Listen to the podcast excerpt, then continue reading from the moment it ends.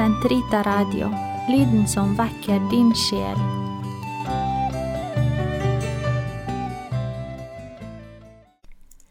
Karmels hage, episode 26 Therese Alicheux Forordet til hennes selvbiografi En sjels historie I denne episoden av Karmels hage ønsker jeg at dere skal få en introduksjon til Therese Alichøs selvbiografi. Jeg har sagt det i flere sammenhenger, og jeg sier det igjen. Dette er definitivt en bok man ikke låner, men har i sin hylle og tar frem med jevne mellomrom. Det hører med til vennskapets natur å ha gjentatt kontakt og god tid sammen. Forordet er skrevet av karmelitten-Nonny i Tromsø. Vi ber sammen. Kom Hellige Ånd, fyll dine troendes hjerter og tenn i dem din kjærlighetsild. Du som gjennom de mangfoldige tunge mål samlet alle folkeslag til troens enhet. Send ut din ånd, og alt skal bli omskapt, og du fornyer jordens åsyn. La oss be. Gud, du har opplyst de troendes hjerter ved Den hellige ånd. Gi oss at vi ved din ånd kan glede oss over det som er rett, og alltid bli lykkelige ved Hans trøst, ved Kristus vår Herre. Amen. Forord til Therese Alichøes selvbiografi En sjels historie, Sankt Olav Forlag. Forordet er skrevet av karmelittnonne i Tromsø. Det forekommer meg at jeg aldri har søkt noe annet enn sannheten, bekjente den unge karmelittnonnen Therese av Jesusbarnet noen timer før sin død. Denne boken er et sterkt vitnesbyrd om det. Langt fra å være en selvbiografi i ordets alminnelige forstand, er den en beretning om Thereses åndelige vei, om hennes søken og dens frukt, sannheten. Om Gud og om henne selv, en sannhet funnet i bønn og gjennomlevd i en enkel hverdag. Hennes gledesfylte anerkjennelse av Guds barmhjertighets virke i henne har rørt ved en streng i utallige sjeler. Bokens over hundre år lange historie bekrefter dette, ikke minst dens usedvanlige popularitet, som har gjort den til en bestselger og klassiker oversatt til over 60 språk. En annen stor sannhetssøker og karmelitthelgen, helgen, den hellige Teresa Benedicta av Korset, Edith Stein, beretter om sitt eget møte med Thereses bok slik. Her er et menneskeliv som ene og alene, fullt og helt, er formet av Guds kjærlighet. Noe større vet jeg ikke om, og av dette vil jeg ta med meg så mye som mulig i mitt eget liv, og i livene til alle som står meg nær. Leseren blir stilt ansikt til ansikt med Thereses enkle og varme selv, med hennes spontanitet, og ikke minst med det alvor hun tar Jesu kjærlighet på. Man blir snart begeistret over hvordan hun puster med evangeliet, hvordan hun føler seg hjemme i profetenes ord, og hvordan hun fører en naturlig og levende dialog med Guds ord. Therese, som aldri ble skolert i teologi, tolker, Skriften intuitivt, men går rett i kjernen i deres utsagn. Bibelen blir for henne en gruve med aldeles praktisk visdom, som hun fritt og naturlig deler med oss. Den moderne leseren, særlig på våre breddegrader, vil imidlertid ofte snøble i møte med Thereses stil. Man oppfatter, mye av hennes tidsfromhet og kultur som fremmed. Dette gjelder først og fremst denne epokes tendens til en viss språklig tilgjorthet, som man fant uttrykk annet i for forkjærligheten for diminutiver. Flere av Thereses metaforer virker rare og rett og slett irriterende. Likevel, hos henne, og bare hos henne, tjener diminutiver budskapets innhold, dog på en betingelse at man klarer å forstå deres rolle i å forsterke betydningen. Thereses uttalelser bærer nemlig sannhetens tyngde i seg. Bak dem står hennes handlinger, hennes konsekvente indre kamp, hennes lidelses rå realitet. Hun fyller med innhold de ord hun bruker. Hovedeksempelet er ordet liten, som hun bruker så rikelig, særlig i manuskript B. Ved første øyekast virker dette overdrevet og sentimentalt. I barndommen var hun, som den minste i familien, naturlig nok en søt lille Therese, men når hun nå kaller seg slik, er det et modent valg. Ved det uttrykker hun en dyp sannhet om seg selv. En Therese som er skjør, som kjenner sin maktesløshet. Konteksten som manuskript B ble skrevet i, lar oss enda bedre forstå den ytterste eksistensielle fattigdom hun ville uttrykke da hun undertegnet teksten med La tout petit Therese, den helt lille Therese. For å komme til kjernen i hennes skrifter er det derfor viktig å ikke henge seg opp i det som hører hennes tid til. En sjelshistorie er en bok som bør leses oppmerksomt, og med den innstilling og grunne over uttrykkenes virkelige mening. En viss innsikt i Thereses familiebakgrunn og klostermiljø kan være til hjelp. Therese Martin kom til verden i 1873 som datter av en velstående borgerlig familie i et land som da var langt fra å være homogent katolsk. 1800-tallet var historisk svett svært turbulent for Frankrike, noe som på det åndelige plan etterlot seg mange sårede sjeler og en voksende religiøs likegyldighet. Landets sekularisering var blitt et faktum, og en kjempende ateisme var på aggressiv fremmarsj. Kirken gjorde ivrige og ofte vellykkede forsøk på å reevangelisere folket, godt hjulpet av vekkelsen, som kom i kjølvannet av århundrets store, fire store Maria-åpenbaringer på fransk jord. Epokens fromhet var imidlertid preget av tendenser til en søtladen sentimentalitet, og paradoksalt nok også, sterk på, også sterkt påvirket av angst, trist moralisering og rigorisme, noe jansenismen hadde etterlatt seg i den religiøse underbevisstheten. På denne bakgrunn blir det tydelig at det på ingen måte var selvsagt for familien Martin å være det den var, en genuint gudhengiven og from familie. Louise og Célie Martin deltok i messen hver morgen og opptok og mottok kommunion hyppig, noe som var sjelden på deres tid.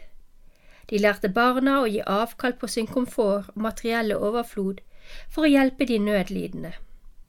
De tok troen på alvor for eksempel krevde det en god del mot og åndelig integritet av Louise for konsekvent å holde butikken sin stengt på søndager. Men det var ingenting formalistisk eller overfladisk i denne familien. Døtrene vokste opp i en atmosfære preget av foreldrenes personlige hellighet og den kjærlighet de utstrålte. Dette religiøst trygge miljøet både beskyttet og satte krav samtidig som det naturligvis ikke kunne sikre Therese mot erfaringen av sorg, tap og skuffelse. Alt dette fremskyndet hennes åndelige utvikling, slik at hun bare 15 år gammel ble moden nok til å vise et liv til Gud innenfor Karmels strenge rammer.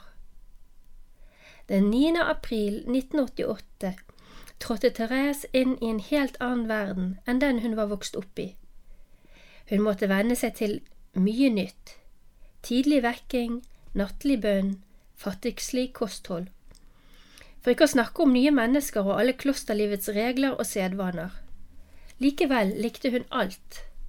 Klausurens stillhet, en sparsomt innredet celle, en fattigordensdrakt, tiden delt mellom bønn og arbeid, i taushet og ensomhet, bortsett fra to timer daglig under rekreasjon med kommuniteten. Alt var lagt til rette for at hun kunne være alene med ham hun elsket. Det var dette hun hadde lengtet etter. I hennes indre kalte Jesus stemme med stor kraft. Hun vil bli hans helt og holdent, og gjennom denne foreningen bære frukt og frelse mange sjeler. I Karmels avsondrethet kunne hun leve skjult i kirkens hjerte, og gjennom hver eneste en av sine kjærlighetsgjerninger og offer styrke andre lemmer på kirkens legeme i deres eget kall og misjon. Fellesskapet som mottok henne, bestod av 26 nonner med en gjennomsnittsalder på 47. Blant dem var det Therese, Thereses to eldre søstre, Pauline, som het søster Agnes, og Marie, som het søster Marie. Kommuniteten var forenet rundt det vesentlige, Jesu person og Karmels særskilte kall. Samtidig var de kvinner med forskjellige personligheter, livshistorier og sosial status, med ulike grader utdannelse og kultur. Det var synlige forskjeller i engasjement, iver og fromhetstyper. I spissen for kommuniteten sto moder Marie de Gonzague. Hun hadde en sjarmerende personlighet, men var rigoristisk og streng både med seg selv og nonnene. I tillegg vekket søstrene Martin en viss antipati hos noen av de andre. Alt dette gjorde klostermiljøet svært utfordrende for Thereses delikate natur og høye idealer. Slik ble felleslivet for henne en anledning til å vokse raskt i hellighet gjennom en strøm av små daglige anledninger til å bli stadig mer Jesus-lik. For eksempel var hun helt fra dag én innstilt på at alle i klosteret var hennes søstre, uten forskjell. Hun ville ikke søke trøst og varme hos sine kjødelige søstre, men møte og elske Jesus i hver og en. Søster Therese foretrakk å gjøre godt mot dem hun ikke forventet glede, trøst eller ømhet fra. Jeg var en av disse. Likevel holdt hun seg ikke unna meg, men viste meg mye godhet, bevitner en av Thereses medsøstre, ydmykt i hennes saligkåringsprosess. Det er denne kommuniteten med sine sterke og svake sider vi kan takke for at Therese overhodet dyppet pennen, og at hennes skrifter ble gitt videre til oss. Denne unge, intelligente, men ufullstendig utdannede nonne hadde nemlig ingen forfatterambisjoner. Karakteristisk nok var latter hennes første reaksjon på forslag om at hun skulle skrive noe. Både hennes biografi og hennes dikt ble til fordi hun ble bedt om det av medsøstre eller pålagt det av overordnede. Hennes skriftlige arv er da også ganske beskjeden. De selvbiografiske manuskriptene danner den viktigste delen. Manuskript A ble til på en anmodning fra søs Thereses søster, moder Agnes, som den gang var priorinne. Hun og eldstesøsteren Marie ønsket å ha skriftlig alle de både morsomme og dype barndomsminnene Therese fortalte om under rekreasjonen i klosteret. Therese begynte å skrive i januar 1895 og brukte kun sin fritid til dette, korte stunder om kveldene og på festdager. Etter hvert som hun fylte hver av de tre skrivebøkene manuskriptet består av, viste hun dem til søster Genevieve søsteren Celine som hadde trådt inn i Karmel et halvt år tidligere. Søster Genevieve utfyller bildet med noen interessante detaljer. Manuskriptet var virkelig en familiesuvenir, og var ment bare for hennes søstre. Dette forklarer dets enkle familiaritet samt inkluderingen av visse detaljer fra hennes barndom som hun kanskje ville ha utelatt om hun hadde forutsett at manuskriptet vil gå utover familiekretsen. Hun skrev det som kom til henne, uten noen kladd. Den 20. januar 1896, dagen før moder Agnes navnedag, ga Therese henne manuskriptet. Men med samme indre frigjorthet som alltid spurte hun aldri om priorinnen hadde lest i teksten eller hva hun mente om den. Perioden da dette manuskriptet ble til, var for, det, for Therese rolig, men åndelig intensiv. Det var i løpet av denne dag tiden hun gjorde sin store oppdagelse av Guds barmhjertige kjærlighet. Den 9. juni i år 1895 fikk jeg den nåde å forstå bedre enn noensinne før hvor meget Jesus ønsker å bli elsket. Hun viet seg selv som offer til denne Guds kjærlighet. Etter dette følger en lang periode hvor hun føler en overflod av Guds kjærlige nærvær. Denne lykksalige tilstanden skulle vare helt til påsken 1896. Men hvilken kjærlighet er det Therese tror på og forkynner?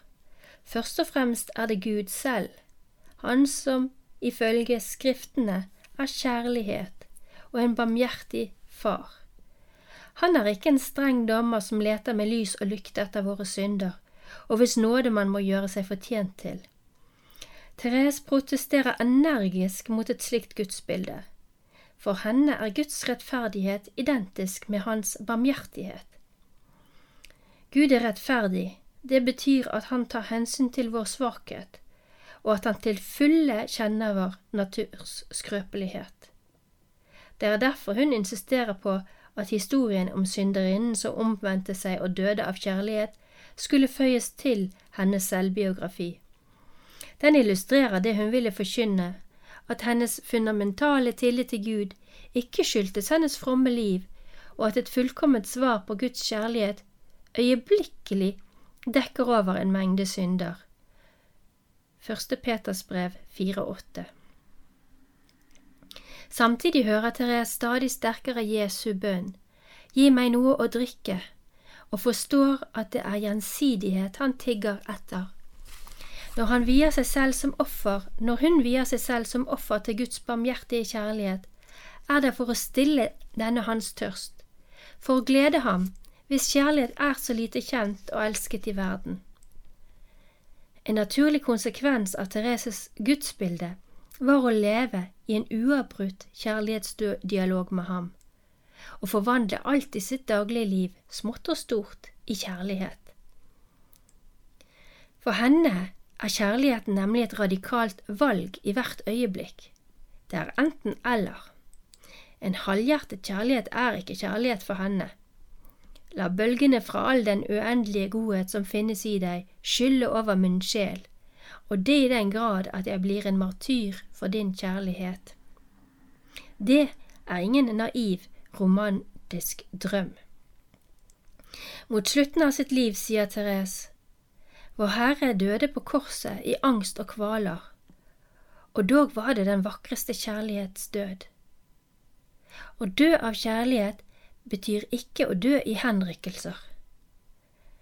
Det var dette hun ønsket også for seg selv, fordi hun elsket. Men det å bli en martyr for Guds kjærlighet gjaldt fremfor alt her og nå.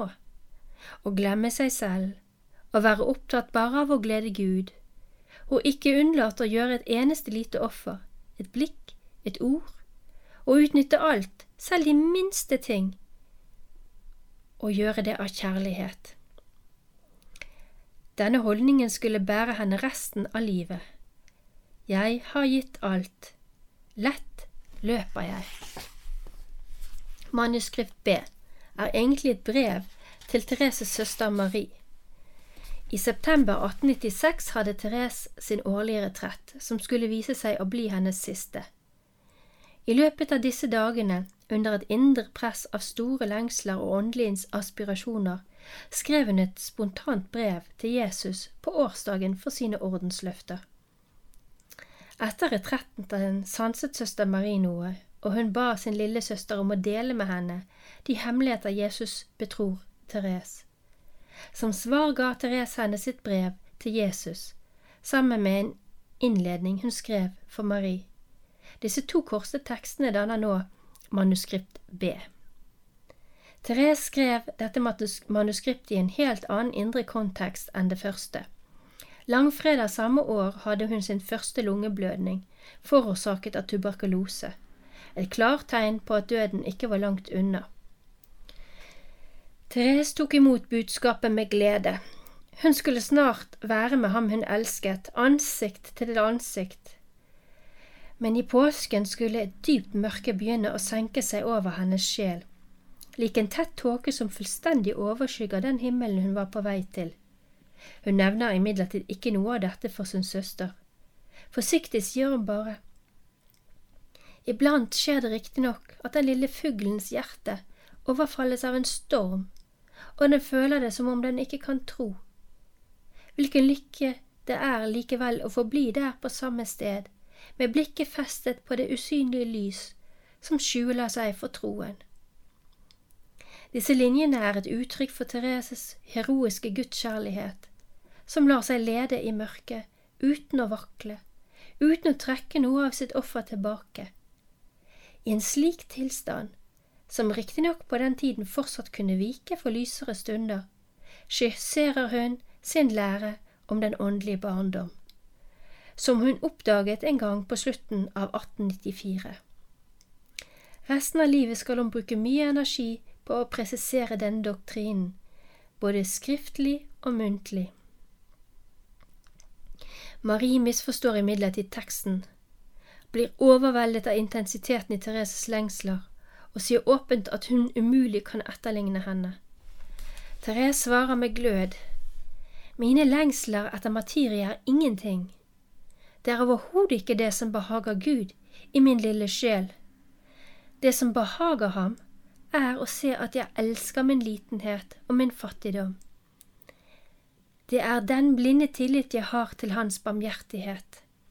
Kjære søster, forstå at hvis man vil elske Jesus og være hans kjærlighetsoffer, jo svakere man er, uten lengsler eller dyder, desto mer er man egnet for denne fortærende og forvandlende kjærlighetens virke.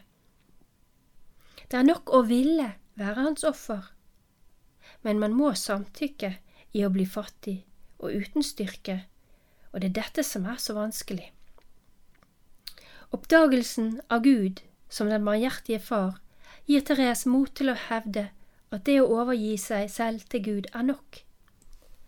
Men ordet overgivelse kan misforstås. Overgivelse er ikke det samme som oppgitthet. Det er et barns holdning foran Gud. Og hva gjør barnet når det møter et uløselig problem eller støter på en hindring? Jo, det løfter armen i været og roper etter hjelp.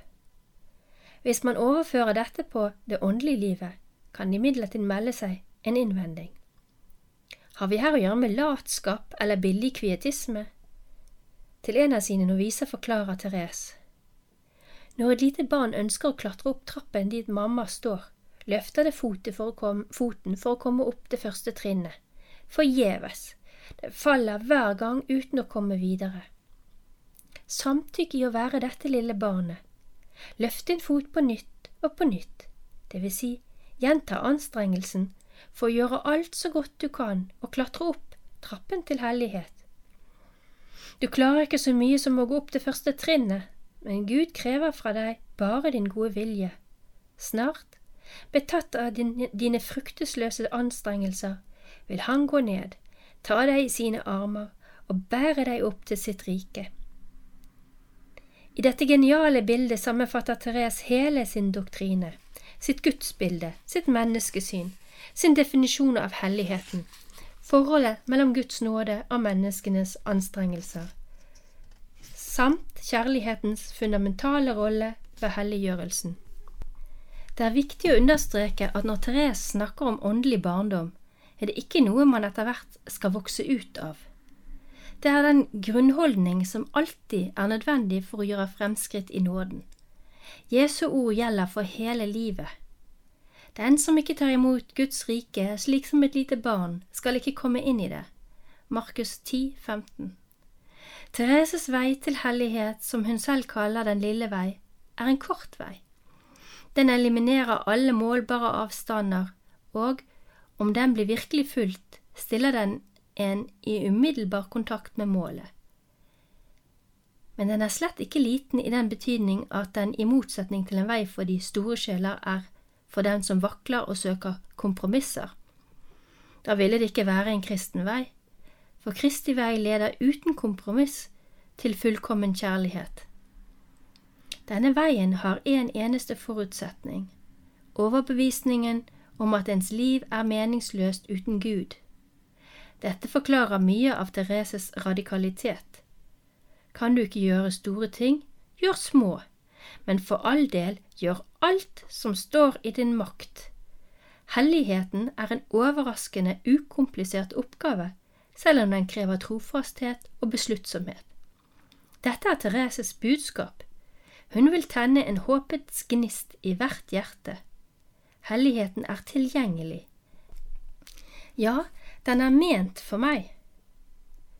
Manuskript C ble til som et resultat av moder Agnes' intuisjon om at Thereses skrifter hadde en verdi som gitt langt utover gagn og glede for hennes medsøstre.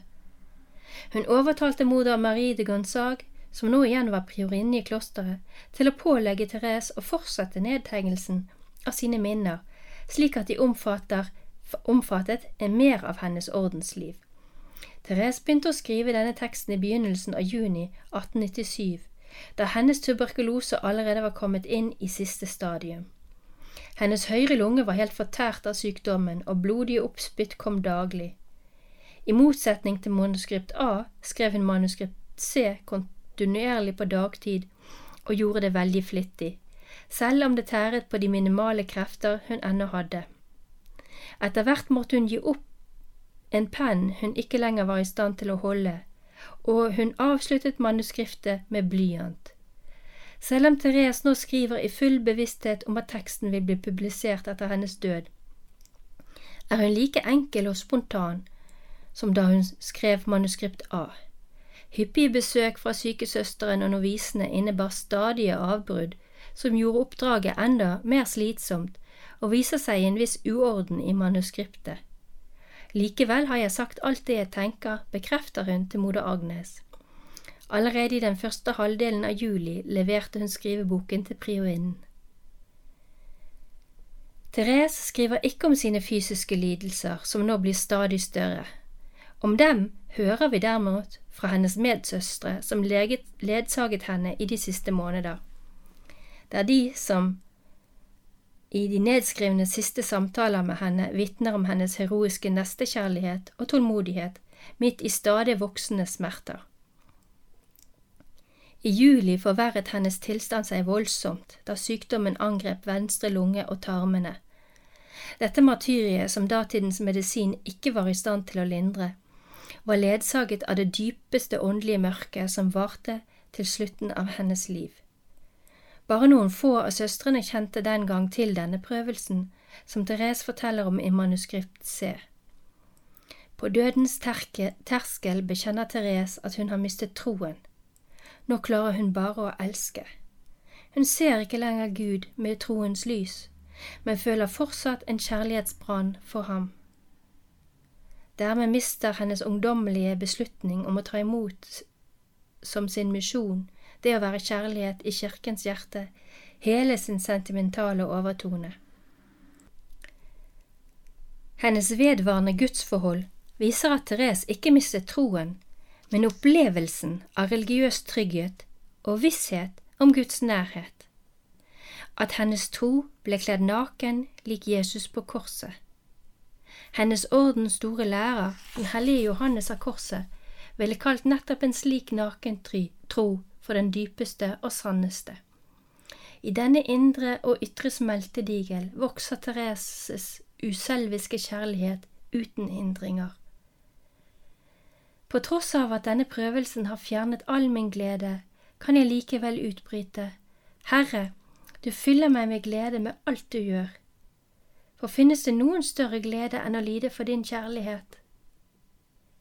På sin dødsdag sier hun til moder Agnes, jeg angrer ikke på å ha viet meg selv som offer til kjærligheten. Tvert imot. Men dette er ikke alt. Therese overrasker leseren med å oppfatte denne prøvelsen som en ytterligere misjon. Hun anser seg selv som en søster for dem som frivillig har fjernet seg fra Gud. Hun er villig til å ha fellesskap med dem i deres mørke, bitterhet og håpløshet, og bære den frem for Gud i stedfortredende kjærlighet. For hvis kjærligheten løper forbi troen på veien til det endelige målet, og overlever selv troens død, da er den i stand til å omfavne også de ikke-troende og deres vantro. Selv i sin grusomste prøvelse tenker Therese i flertall.